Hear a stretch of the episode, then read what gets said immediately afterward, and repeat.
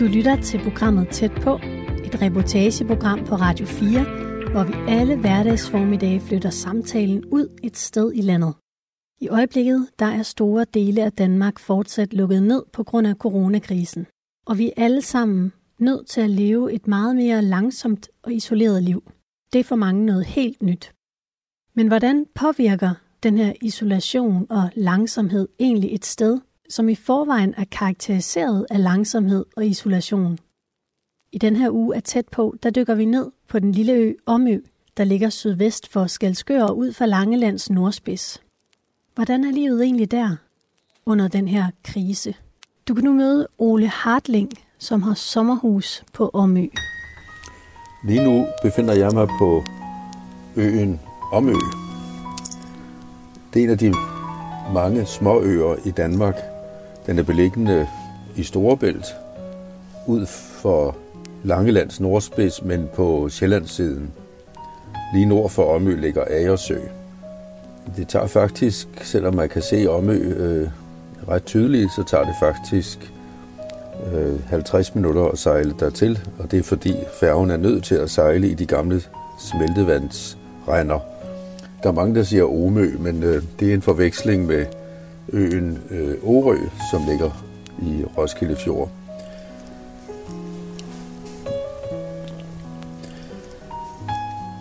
Jeg hedder Ole Hartling. Jeg er uddannet læge, men er overvejende gået på pension. Jeg har stadigvæk hver måned nogle dage på min gamle afdeling, så jeg kan afløse lidt. Og det er en fornøjelse at komme der, og jeg bliver altid modtaget godt.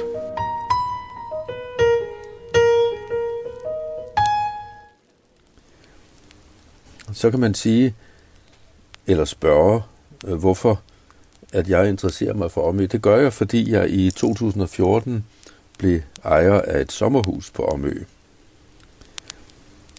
Jeg købte faktisk, øh, da jeg selv var i slutningen af 60'erne. Det var i 2014.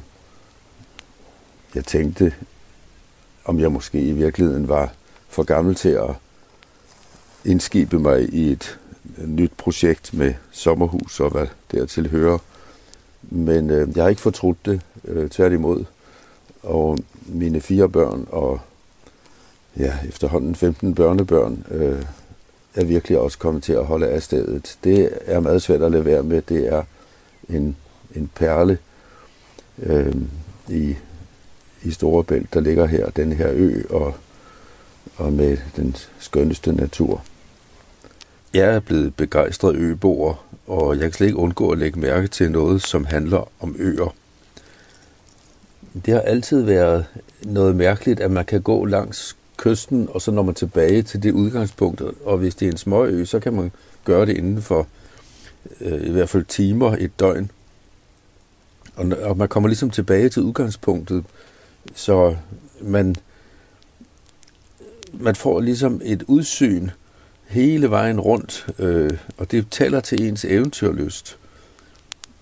Den begrænser måske nok bevægelsesfriheden en ø, men den udvider jo også horisonten, som kan ses fra dens kyster.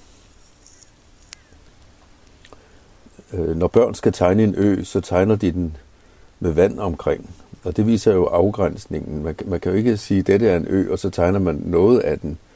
Nej, man skal, man skal vise, at det er en ø. Den er omgivet af vand. Og vand, som øh, tidligere betragtet som en god færdselsåre, man når rundt i jorden med vand, det bliver nu ofte opfattet som en hindring. Derfor bygger man broer og tunneler. Men vand er i virkeligheden den transportvej, som har sikret, at man har kunnet bebo et ørige, som Danmark i virkeligheden er. En af herlighederne ved at bo på en ø, det er, at vandet det er nærværende. Og nu skal vi lige et smut hen til Omøs vinterbadere. Er du allerede det kan jeg ikke huske. Nå, jeg er kommet ned nu og skal bade sammen med badedamerne, og som man kan høre, så bliver der snakket allerede fra starten. Og øh, nu skal vi ud, og så skal vi have tæerne i det kolde vand. Og vi er så heldige, at der faktisk er vand igen. Fordi i nogle øh, morgener, der har der ikke været vand. Det har ligget alt sammen og rodet over ved Bogø, eller sådan noget, har vi hørt. Så, øh, og så er det meget svært at gå og gå og gå, og ikke kunne få dyppet rumpen. Det er lørdag morgen på badestranden nede ved draget på Omø. Og vi er fem friske kvinder, som er ved at øh, tage tøjet af. Naturligvis udendørs med god afstand. Øhm, og vi kigger ud over et hav, som er næsten spejlblankt. Og måske kan man lige få lidt real lyd lige om lidt, så I kan høre, hvordan det plasker om vores fødder, når vi går ud. Fordi det er sådan, at der er ikke nogen badebro her, så det er lidt den sene død, hvor at vi øh, må gå ud, indtil vi synes, at nu er der vand nok til, at man kan svømme sig et par tag. Og der har vi øh, i vores lille badegruppe her, der har vi Sonja, som er skolelærer, og som siger, at man skal svømme 10 tag. Så det gør vi.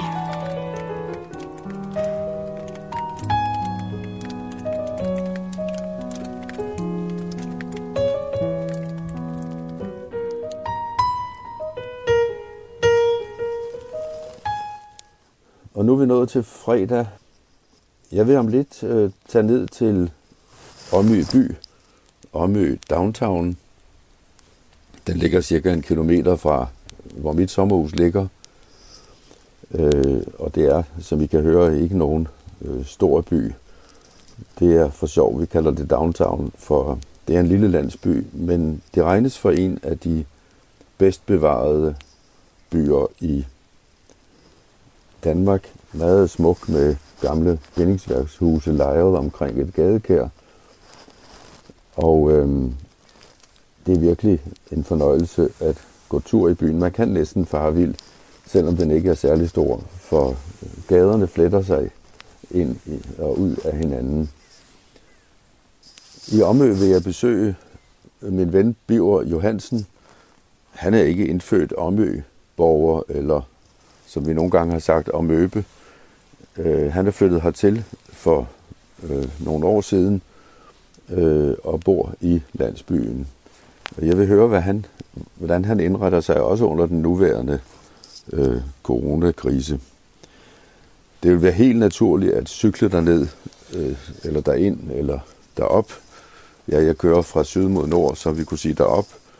Men øh, der blæser simpelthen en stiv kuling i dag, øh, så I vil ikke kunne høre andet end vindsus, hvis jeg gjorde det. Så jeg vil for en gang skyld tage bilen og, og køre ind til Omø. Så vil jeg øvrigt samtidig gøre nogle indkøb i den lille købmand, når jeg nu, når jeg nu er derinde. Nå, skoene. Jamen, de, jeg satte også var. Ja. Altså, det gør Under man ikke ustraffet at gå ud i det kolde vand uden sine badesko. Nej. Og nu er det jo også sådan, at vi skal huske de små grønne ærenhuer. Jeg hedder Gitte, og øhm, jeg er en del af et par, hvor at min mand bor på Omø, og jeg bor på Omø og øh, Nordsjælland, øh, hvor jeg stadigvæk har mit arbejdsliv i København, så jeg er en af dem, der pendler frem og tilbage. Og øh, vi bor på en gammel bondegård, som vi købte for studielån for øh, 41 år siden, da vi var helt unge, og øh, nu er den så småt ved at øh, få den form, så man faktisk også kan bo i den. Og det er det, som min mand går og bygger på og hygger med, så det er sådan noget hygge og byg. Og når jeg så kommer fra byen og kommer herned, så er det jo med at se, hvad der er sket siden sidst. Nogle gange kan man ikke rigtig se det, men der er sket et eller andet. Så derfor skal man jo begynde med at sige, ej, hvor fantastisk. Og så finder man nok ud af, hvad der er, der er sket. Hvad laver du, når du er i København? Jamen, øh, jeg er leder af et kulturcenter, og det er jo lidt skrabt i de her tider, fordi alting er lukket ned. Så det er jo sådan noget med, at man må se, om man har et center, når det er, at man kommer ud på den anden side. Og jeg er antropolog af uddannelse og har arbejdet inde i København i det her center i 25 år.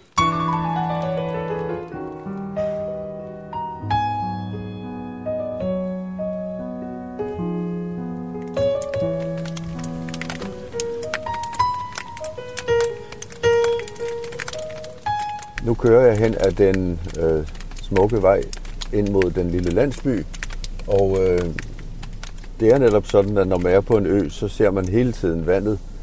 Øh, jeg ser ud over Storebælt til venstre, hvor de krabbe bølger, bølger vandet er i skjorteærmer, som man siger, fordi der er så kraftig blæst i dag, og nede for enden af, af vestspidsen der ligger fyret, det flotte gule fyr, øh, som markerer, øh, er meget typisk for, eller er sådan et kendetegn for Omø. Så vi har valgt på øen at lave et slogan, der hedder Omø et fyrtårn i Storebælt. For os for at sige, at, at det her det er et samfund, der betyder noget. Til den anden side ser jeg ud over det øh, om Sund og Smålandshavet, og det er i dag øh, ligger langt mere i lag af øen, og derfor er der ikke nær de bølger, som jeg ser på, på Storebælt. Øhm, til begge sider her har jeg marker, og nu kommer jeg forbi det lille vandværk, som forsyner hele øen, og hvor vi jo er meget opmærksom på, om ja, de års forbrug af sprøjtemidler, der har været, om de sætter sig spor i vandet. Det holder sig inden for de øh, grænser, det må, blandt andet også fordi man har lavet en ny boring øh, nede på Sydøen, øh, hvor man så øh, blander vandet med hinanden med de to fra de to boringer, og det gør, at man er under de grænser, der er. Men det kan altså spores, det kan de faktisk i de fleste vandværker efterhånden i Danmark. Lige nu øh, ligger markerne jo øh, pløjet, men endnu ikke med, med af, store afgrøder. Der plejer at være gule rapsmarker her, og øh, ja, mange andre øh, afgrøder, øh, korn og så videre.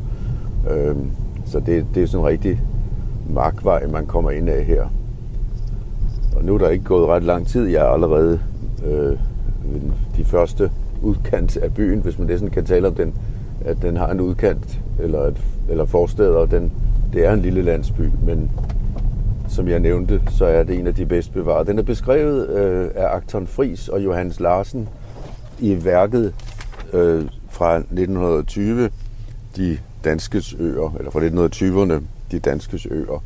Meget, meget øh, flot værk, hvor Omø bestemt også præsenterer sig. Og i øvrigt øh, genså vi mange af øerne i øh, Jørgen Flint Petersens øh, meget charmerende øh, tv-serie for nogle år siden, Gensyn med de danske øer, kaldte han det. Og det er selvfølgelig med henvisning til Akton Frises gamle bog, Gensyn med de gamle, øh, danske øer, hvor han også har et kapitel om, om Omø, som han besøger og møder de forskellige fiskere her og ser deres boliger og, den, og de smukke huse i landsbyen. Øhm, man kan køre to veje omkring gadekæret, og jeg har faktisk lige i starten, da jeg kom her, været lidt i tvivl om, hvilken vej øh, der førte øh, det rigtige sted hen. Så selvom man ikke skulle tro det, så kan man altså godt være lidt forvirret, når man lige, når man lige ser landsbyen de første gange. Nu er det naturligvis ikke noget problem. Her på venstre hånd har jeg det, der hedder Lån, hvor der er sådan der udstillinger og maleriudstillinger og, og musik, og hvor, hvor man om sommeren har, har lidt mulighed for at spise frokost og købe is og drikke kaffe. Øh, meget hyggeligt sted. Og nu kommer jeg så på venstre hånd til den lille øh, købmand. Letkøb hedder det her. I gamle dage hed det Brusen. Der er ikke længere, som der har været tidligere, bager og øh, telefoncentraler. Alt sådan noget er forsvundet. Men der er, der er købmanden her.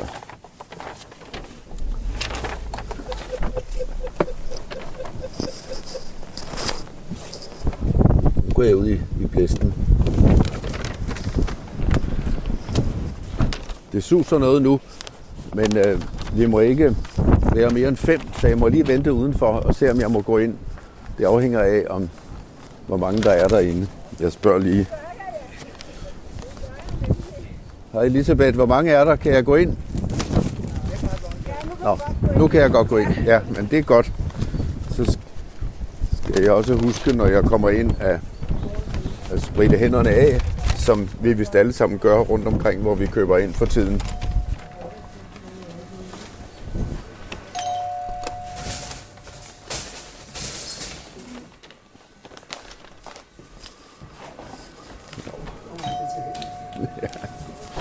Jeg glemte, jeg glemte nu øvrigt min indkøbskurv.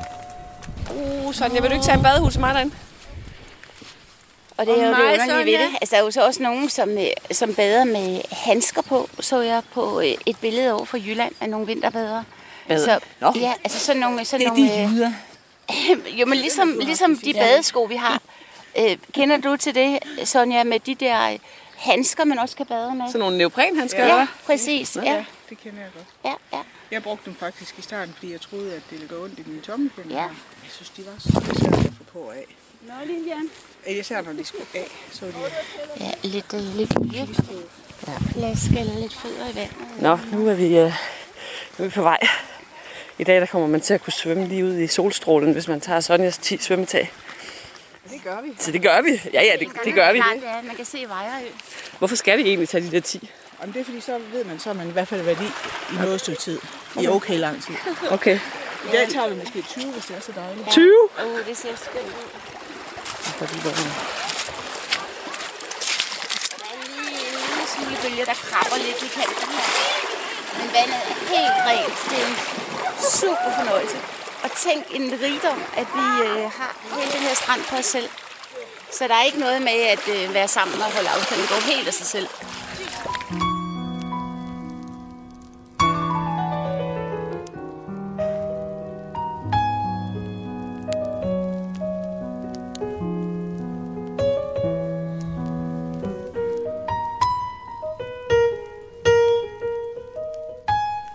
Ja, nu er jeg kommet indenfor hos min ven Bjørn Johansen hernede i Omø Midtby, hvis man kan tale om det. Dag, Bjørn.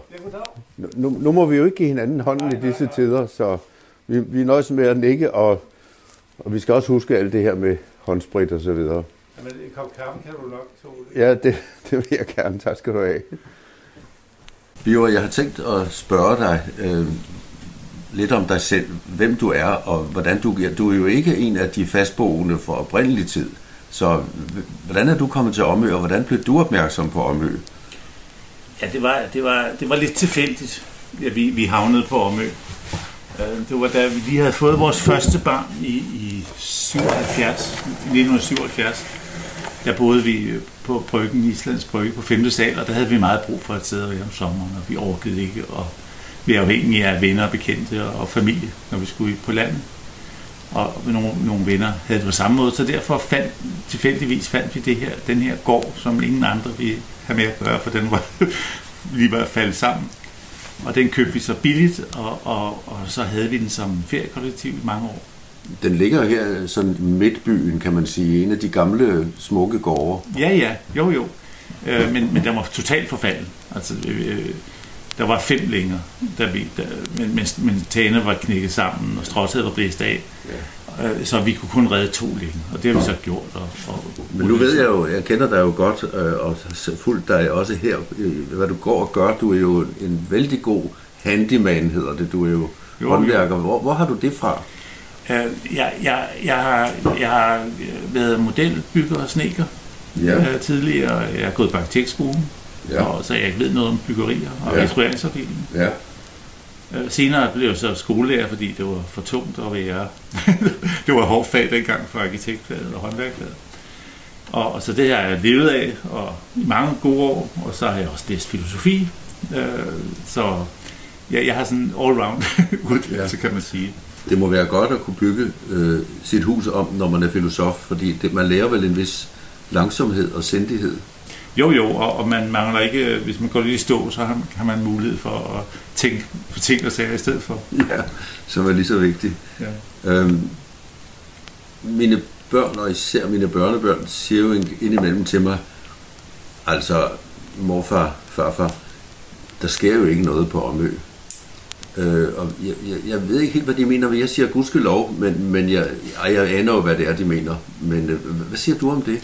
Jo, altså øh, til historien hører jo, at, at da jeg, øh, blev, jeg gik på efterløn som 60-årig, det, var- det kunne man gøre dengang, og, og det fortrød jeg bestemt ikke. Øh, så efter et, et øh, par år, så, så tænkte jeg, nu vil jeg bo her altid. Min, min kone, hun elsker sit arbejde, så hun, hun øh, bor sådan set i Kokkedal, man kommer her tit øh, alligevel. Men jeg er omøbor og med folkeregister det hele.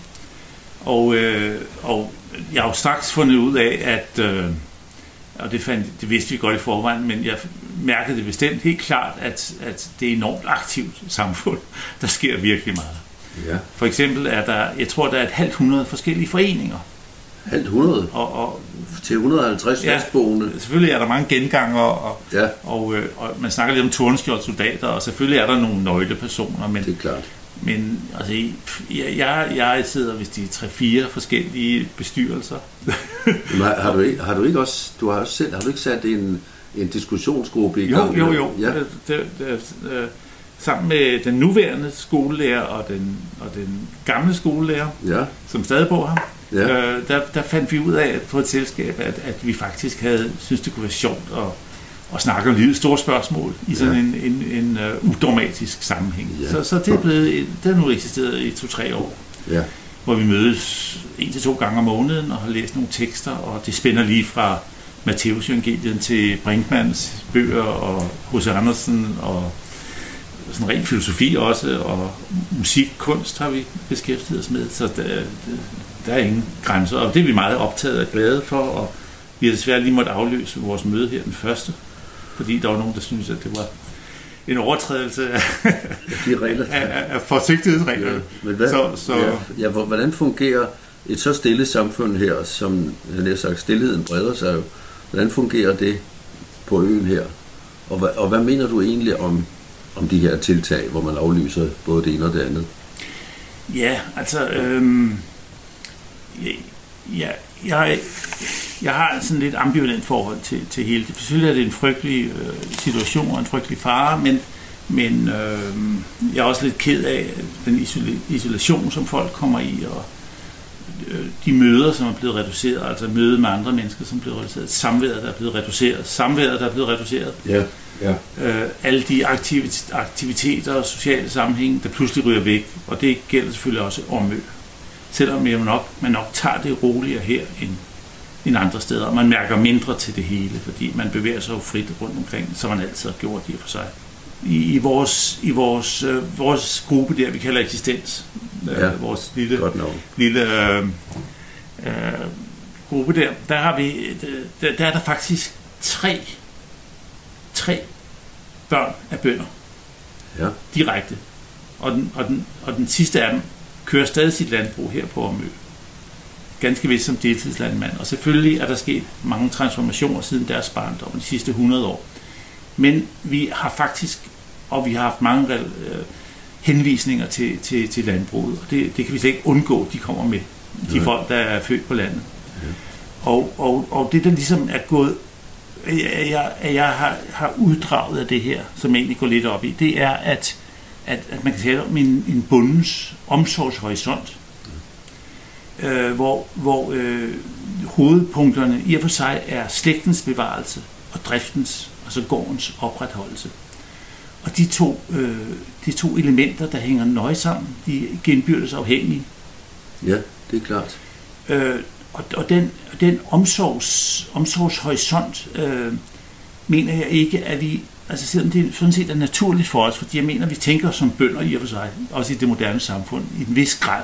Og det er naturligt for os at opretholde en omsorgshorisont, selvom vi ikke har dyr og, og marker og alting. Så, så satser vi på forskellige områder. Vi, vi, vi er opmærksomme på, at forskellige ting skal hænge sammen. Det ligger For- også i blodet. Simpelthen. Ja, Og, og, og, og vi har stadig en omsorgshorisont. ja, Øh, selvom øh, nogle af de felter, der er i den af aspekter, er meget kunstige, meget feltigt gjorte, ja, om jeg så må sige, Ja. meget konkurrencegjorte, ja, så har vi dem alligevel. ja. Og det er jo selvfølgelig...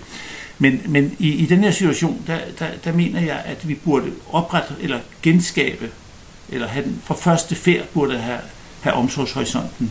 Jamen det synes jeg da også, man har, fordi man jo i den grad fokuserer på, at det er de svage og truede, som, som i hvert fald skal passes på. Jo, men, men, men, men ja, altså, for at passe på dem, skal man også se videre ud, mener jeg. Ja. Altså, man, man, selvfølgelig skal, Det er så skal gårdens drift, kan man sige. Netop, netop altså, for øh, ja. fordi, fordi, øh, fordi øh, svinene havde fået svinepest, så kunne man ikke øh, bruge al sin energi på det. Du lytter til programmet Tæt på, hvor vi den her uge zoomer ind på øen Omø. Du har lige hørt en samtale mellem Ole Hartling, tidligere formand for etisk råd, og hans ven Biver Johansen, filosof, arkitekt og snedker. Vi fortsætter programmet her efter nyhederne.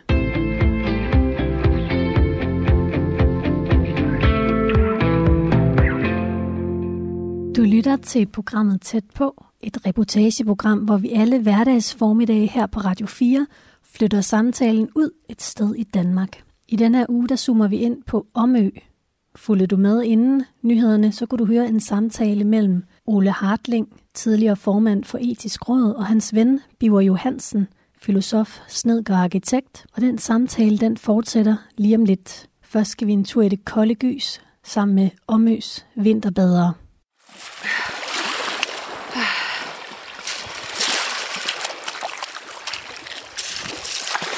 Åh, det var dagens havbad.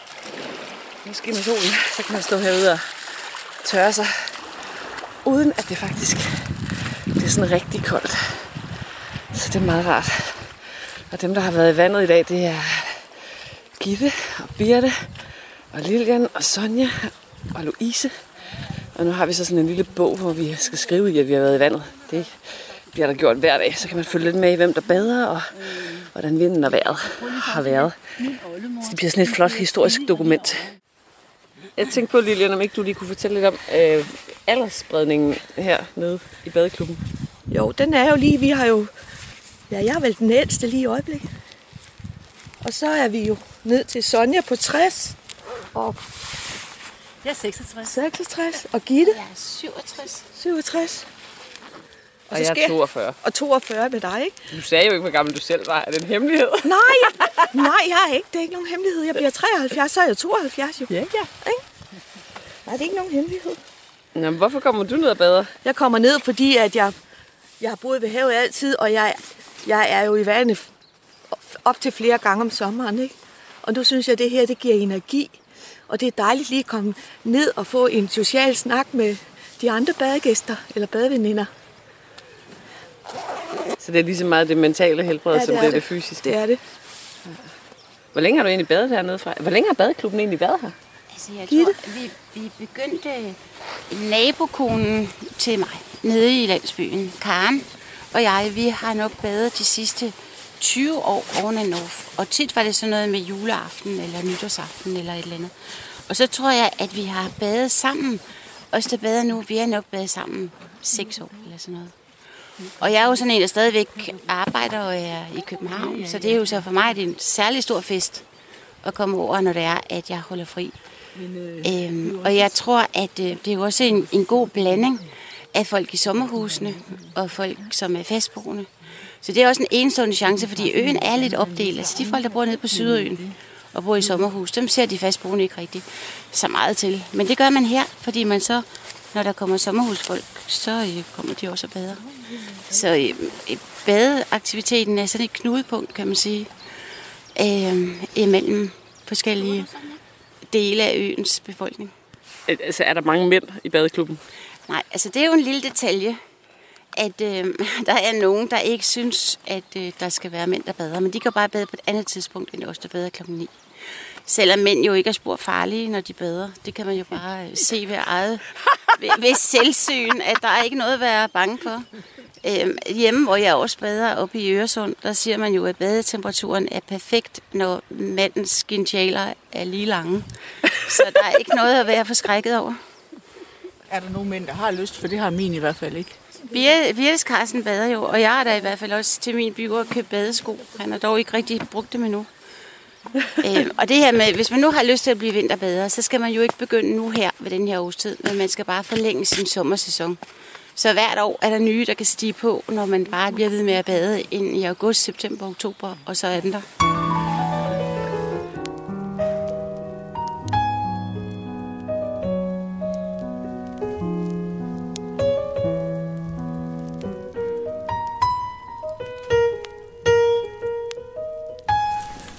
Bjørn, er du pessimist Med hvad? med hensyn til udviklingen af den her til krisetilstand? Og nu kommer jeg til de spørgsmål, som også ligger mig lidt på sinde. Hvordan skal det gå med de små samfund, også med øerne? Jo, det tror jeg. De, de, de, de er nok dem, der klarer sig bedst, tror jeg.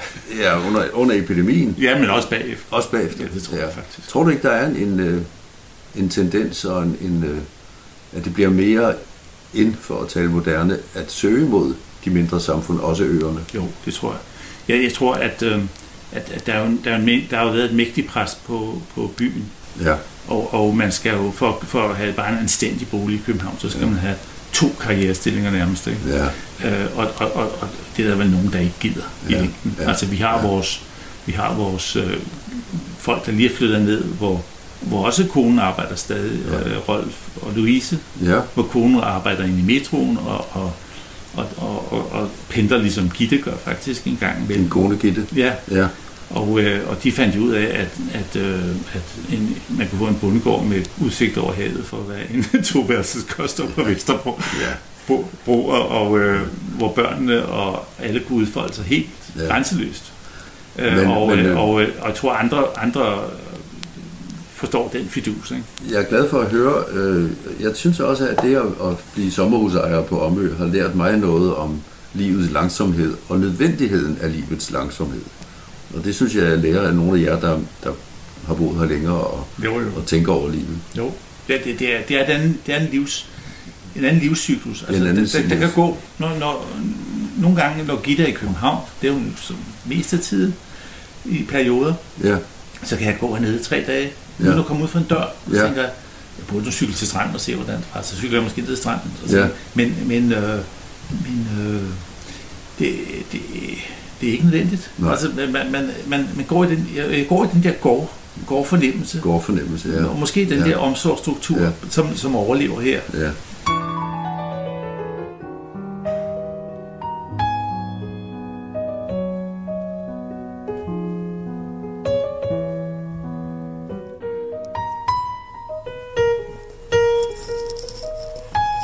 Jeg har sagt farvel til min ven Bjørn Johansen her i Ommeby. Jeg triller nu ned mod Sydøen igen.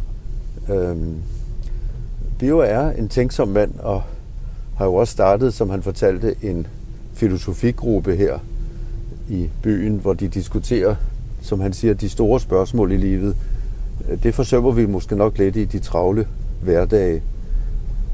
Jeg var meget interesseret i hans tanker om, at vi oprindeligt har vores bondekultur, og vi alle sammen har det i blodet endnu, sådan at vi danner, øh, drager omsorg ikke bare for hinanden og for de svage, og, men også for driften, gårdens fremtid, det den skal leve af, det, det den kommende slægt skal bære videre og leve af. Så vi har den her blanding, at vi dels er ansvarsbevidste over for den enkelte, men også ansvarsbevidste over for samværet. Og det brugte han jo til at, at danne parallellen til, hvordan vi håndterer krisen nu. At vi, vi, må, have, vi må have øje på begge dele. Vi har, vi har begge skuldre, vi skal bære på. Både den enkelte, vi skal passe på, og så samfundet. Øhm, og det må ikke ske på bekostning, det ene må ikke ske på bekostning af det andet, sådan kunne man udtrykke det.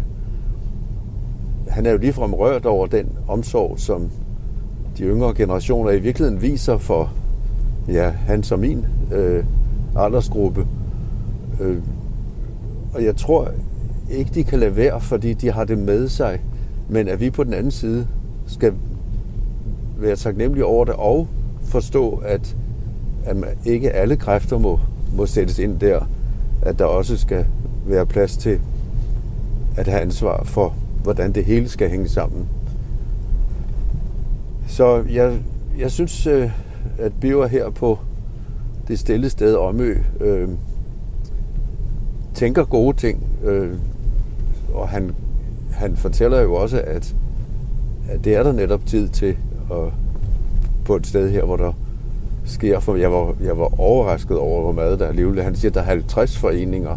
Selvfølgelig lidt med, med mange af de samme. Det er per indbygger er det jo voldsomt meget mere, end man ser så mange andre steder.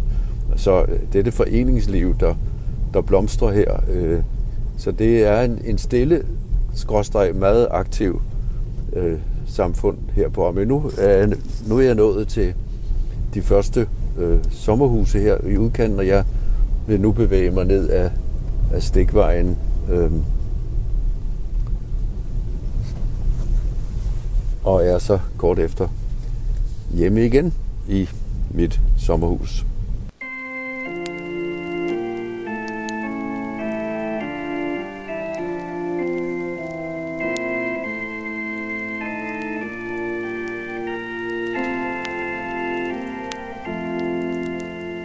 Det er blevet aften nu.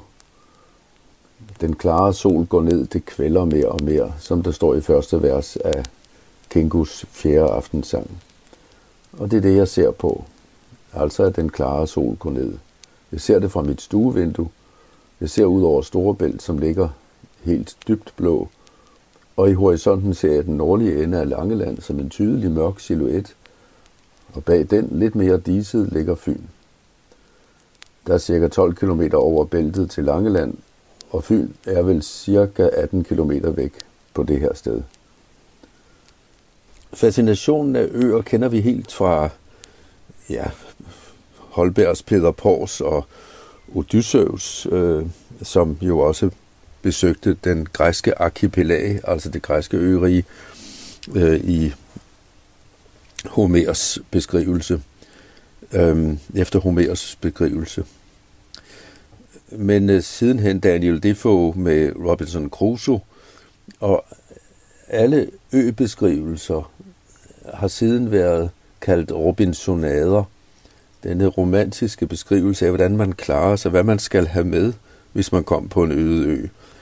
Øh, det, er ikke, det kan frem i mit fag, som er lægegærningen, være et spørgsmål til eksamen. Hvad vil du gøre, hvis sådan og sådan? Jamen, jeg vil tage et røntgenbillede. Nej, men du er på en øde ø.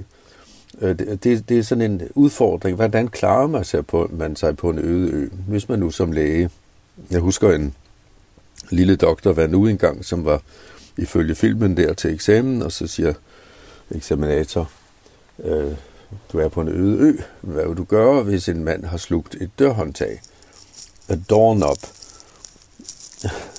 Så siger eksaminanten, ja, hvis jeg er på en øde ø, er der næppe dørhåndtag.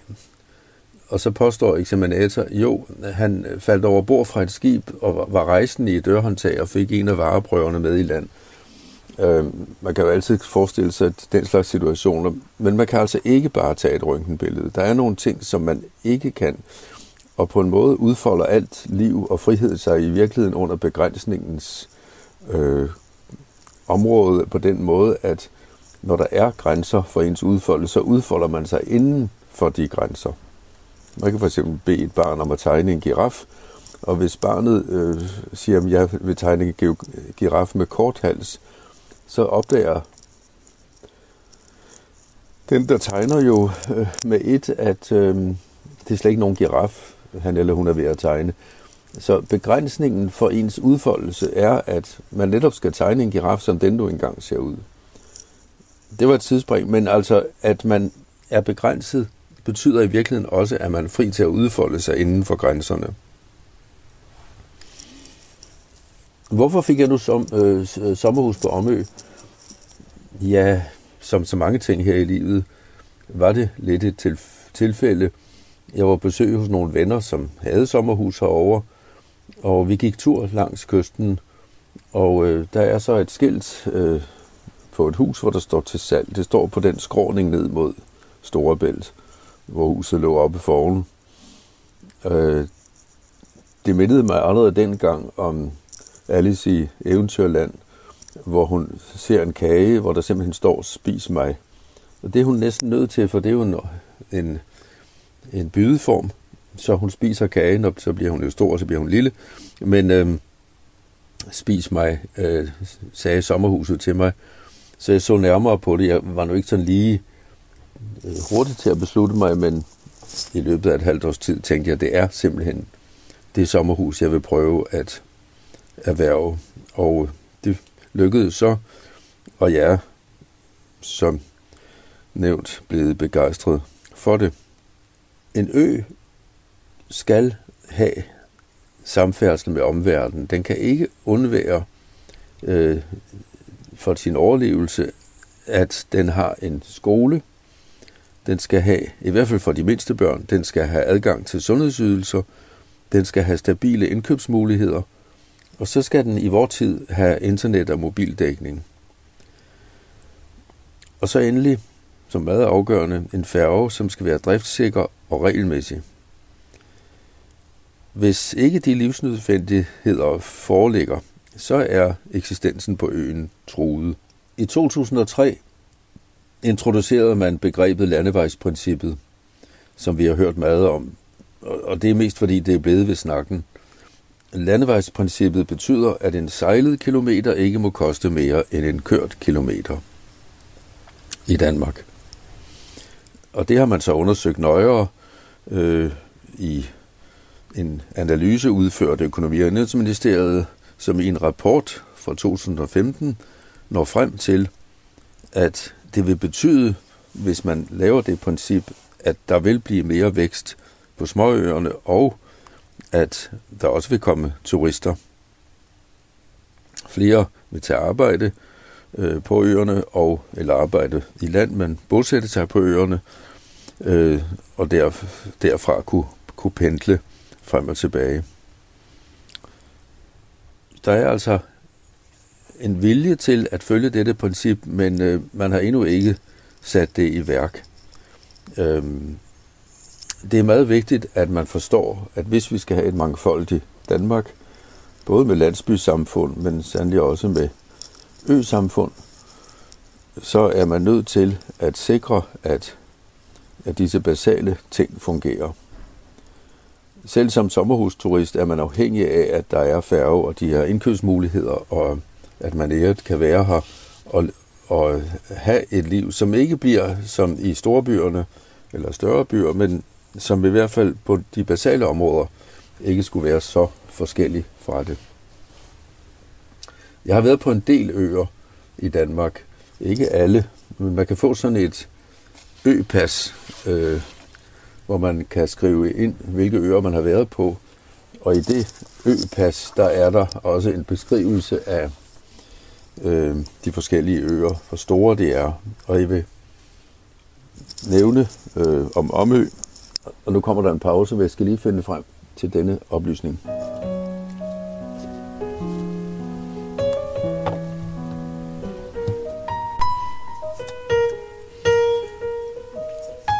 Omø er en lille ø på 4,5 kvadratkilometer. Den er cirka 5 km lang og, og 3 km øh, på det bredeste sted. Øhm, oprindeligt stod den, bestod den af to mindre øer, adskilt af et, sø, et, et sund, men nu er der øh, en sø der. Den har en lille by på midten, hvor kirken ligger, og hvor indkøbsmulighederne er i en købmand, og andre indkøbsmuligheder er der ikke. Og så er der en havn, øh, hvor færgen lægger til på nordenden af øen. De fleste sommerhuse er beliggende på Sydøen, som vi lidt flot kalder det. Øh, der er ikke mere end en halvanden hundrede sommerhuse, men øh, det, det er ikke særlig øh, fortravlet sted. Tværtimod er der temmelig stille på Ømø. Øh, mine børnebørn synes ikke, der sker noget på Ømø, og, og bedstefar her fremhæver jo, at det er faktisk en af de rigtig gode ting ved at være her. Der er ikke sådan øh, et rasende hurtigt liv, som måske i visse nordsjællandske øh, feriesteder, eller på Skagen i uge 29. Så det går stille og roligt for sig. Lige nu er jeg her. Øh, jeg havde egentlig bare tænkt, at jeg skulle over nogle dage, men øh, så strammede øh, hele coronakrisen til. Og øh, det er ikke så meget for at gå i skjul herover og flygte fra krisen. Jeg har som læge meldt mig som en af dem, der kan træde til, øh, hvis der bliver behov for lægehjælp. Så det er ikke, det er ikke på grund af, af flugt fra den, at jeg, at jeg er men jeg er blevet herover, fordi alting er jo lukket ned. De møder, som var aftalt, og de selskabeligheder, der ellers var planlagt, øh, er jo aflyst. Så det interessante er, at lige nu ligner det øvrige Danmark faktisk, som Omø plejer at være, nemlig at der sker ikke så meget. Min søn kalder det, at der er sket en omifikation af verden. En måde at sige på, at nu er verden sådan lidt stille, øh, gaderne øde og, og uden madetrafik, som vi kender det her på Omø, hvor der jo ikke er det eneste trafiklys, men veje, hvor man holder lidt ind til siden, når man møder modkørende en sjælden gang.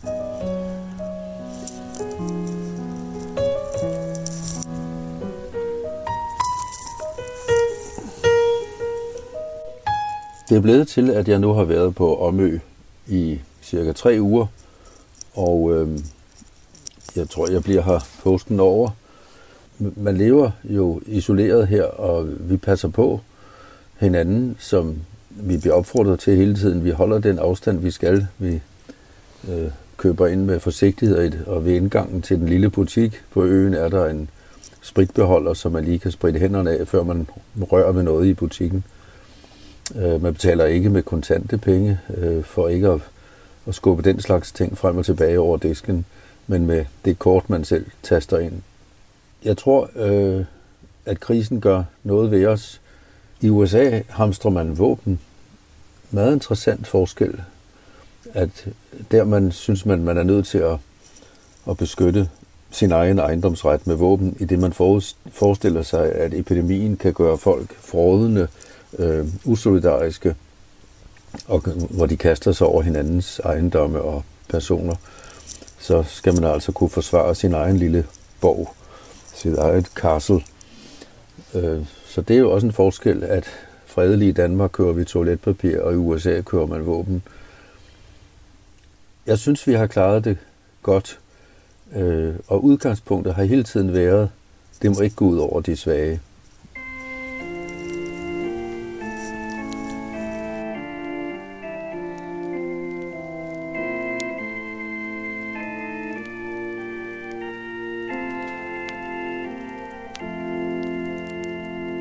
Solen går ned mellem skyer, og strålerne gør dem så guldrandede, og øh, alt imens bliver alting mere gående fra helt hvidt til orange til, til helt rødt, som vi kender, som vi alle kender det.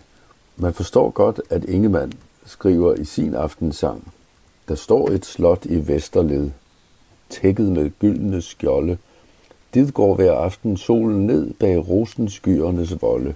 Han ser altså for sig denne fjerne borg, øh, tækket med gyldne skjolde. Og der er fuldstændig stille her, for nu har vinden lagt sig. Og er det så alenehed eller ensomhed, som griber ind? Ja, det er nok en blanding. En af de svære ting ved corona er, at vi er så mange, men vi skal holde os for os selv, og det er imod vores natur. Mennesket er et relationelt væsen, altså et menneske og væsen, som er skabt til og gerne vil relationerne. Det indbodes i os fra, vi er helt små, ja fra selve fødslen, hvor vi straks er i andres hænder. Det følger os livet igennem. Fra første time er vi afhængige af, at der er nogen, som sørger for næring, varme og tryghed. Vi er afhængige, og vi er sårbare, og det betyder, at der etableres bånd til andre. Mennesket er nemlig ikke et selvtilstrækkeligt væsen. Det er der ingen, der er. Man må måske mere end nogensinde tage telefon og e-mail og ja, det, der bredt hedder sociale medier, tage det til sig og være glad for, at det findes. Vi kan nå hinanden, ja, og også radio og tv, og her er radio, hvor, hvor I hører min stemme. Tak for lydhørhed. Der står et slot i Vesterled, tækket med gyldne skjolde. Dit går hver aften sol.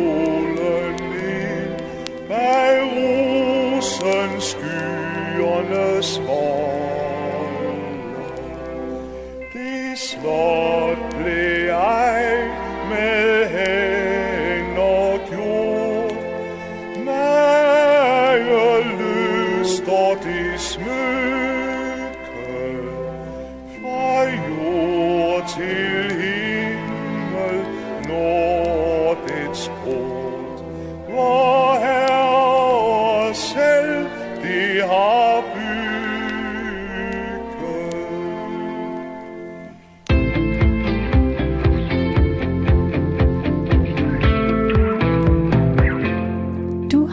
Til programmet Tæt på, hvor vi i den her uge zoomer ind på øen Omø.